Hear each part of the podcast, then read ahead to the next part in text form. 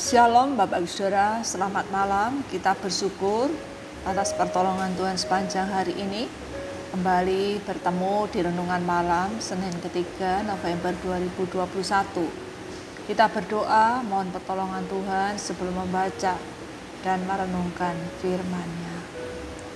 Bapa yang di surga, kami bersyukur Tuhan memampukan kami dalam menjalani kehidupan sepanjang hari ini. Saat ini kami akan membaca dan merenungkan firman-Mu. Tuntunlah kami Tuhan, mampukan kami untuk mengerti seperti yang Tuhan mau kami mengerti. Tolonglah kami untuk melakukannya sesuai dengan yang Tuhan kehendaki.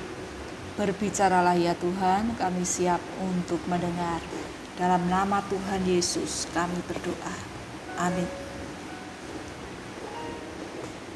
Kita memperhatikan dari Injil Markus pasal 12 ayat 28 hingga 34. Demikian firman Tuhan.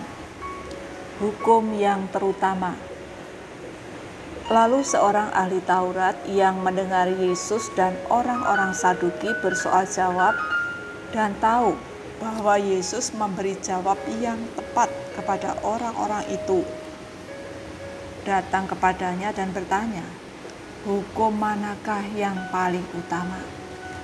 Jawab Yesus, hukum yang terutama ialah, dengarlah, hai orang Israel, Tuhan Allah kita, Tuhan itu Esa.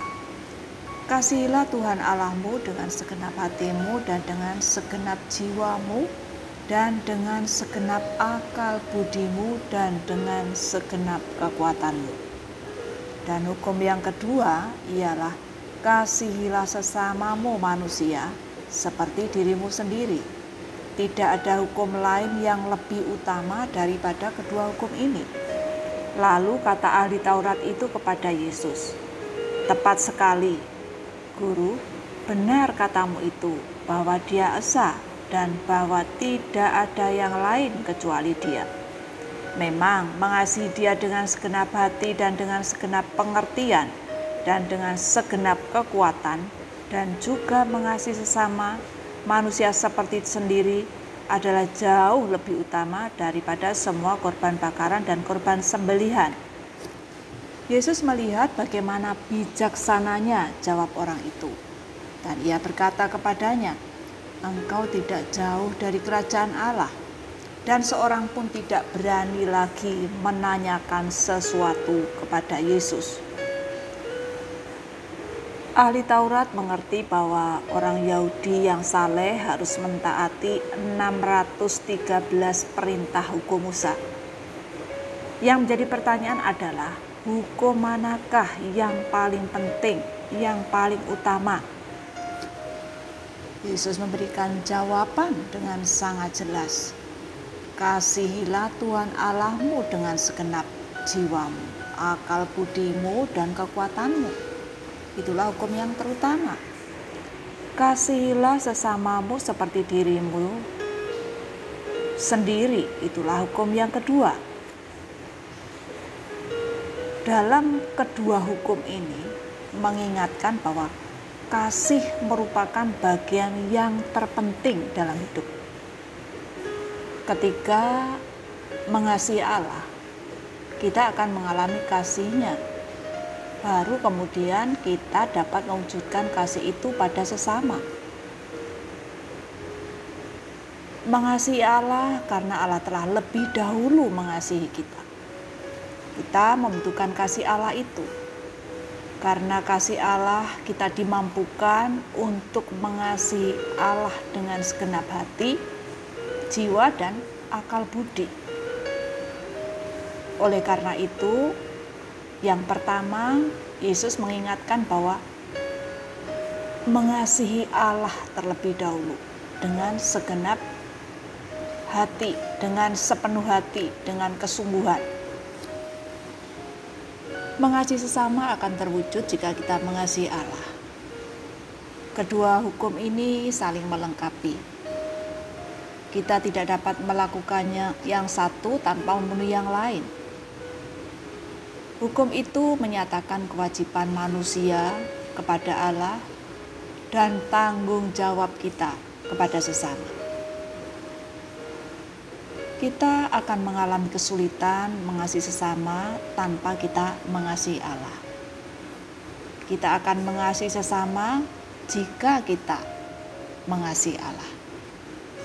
Mengasihi Allah itu akan berdampak nyata dalam kehidupan sehari-hari, dalam tindakan dan perkataan. Mengasihi Allah dengan motivasi yang benar, dengan tujuan yang benar, itu tidak dapat ditutupi, akan nampak dengan sangat jelas dalam keseharian kita Manusia memiliki kecenderungan untuk mengasihi diri sendiri dan hidup berpusat pada diri sendiri. Oleh sebab itu, Tuhan memberikan perintah: "Kasihilah sesamamu seperti dirimu sendiri." Tuhan bukan hanya memberikan perintah, tetapi Tuhan juga sudah memberikan teladan, memberikan contoh bagaimana mengasihi manusia. Ia telah memberikan hidupnya mati di atas kayu salib demi menebus manusia dari dosa.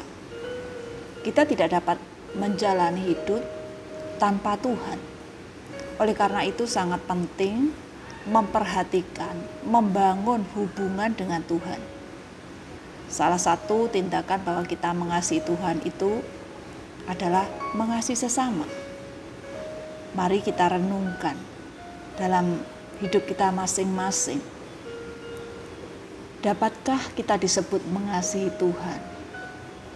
Mengasihi Allah yang tidak kelihatan. Tetapi dalam sisi yang lain, tidak mengasihi sesama yang kelihatan. Kiranya Tuhan menolong kita untuk memahami dengan benar kebenaran firman Tuhan dalam hidup kita kita berdoa. Bapa yang di surga kami bersyukur atas kasih-Mu dalam hidup kami. Mampukanlah kami mengasihi Tuhan dan sesama kami. Dengan mengingat bahwa Tuhan sudah lebih dahulu mengasihi kami.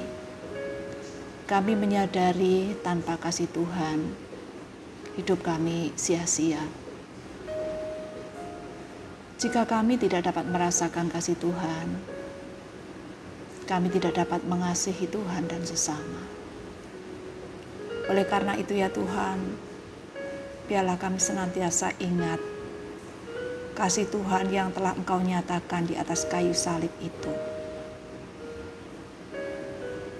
Bapa, kami menyerahkan istirahat malam ini hanya kepada Tuhan Yesus yang telah mengasihi kami.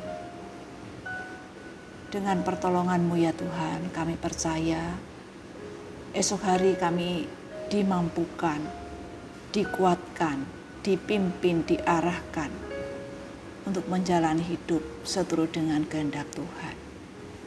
Dalam nama Tuhan Yesus, kami berdoa. Amin. Bapak Ibu sekalian, selamat malam, selamat beristirahat. Tuhan Yesus memberkati. Amin.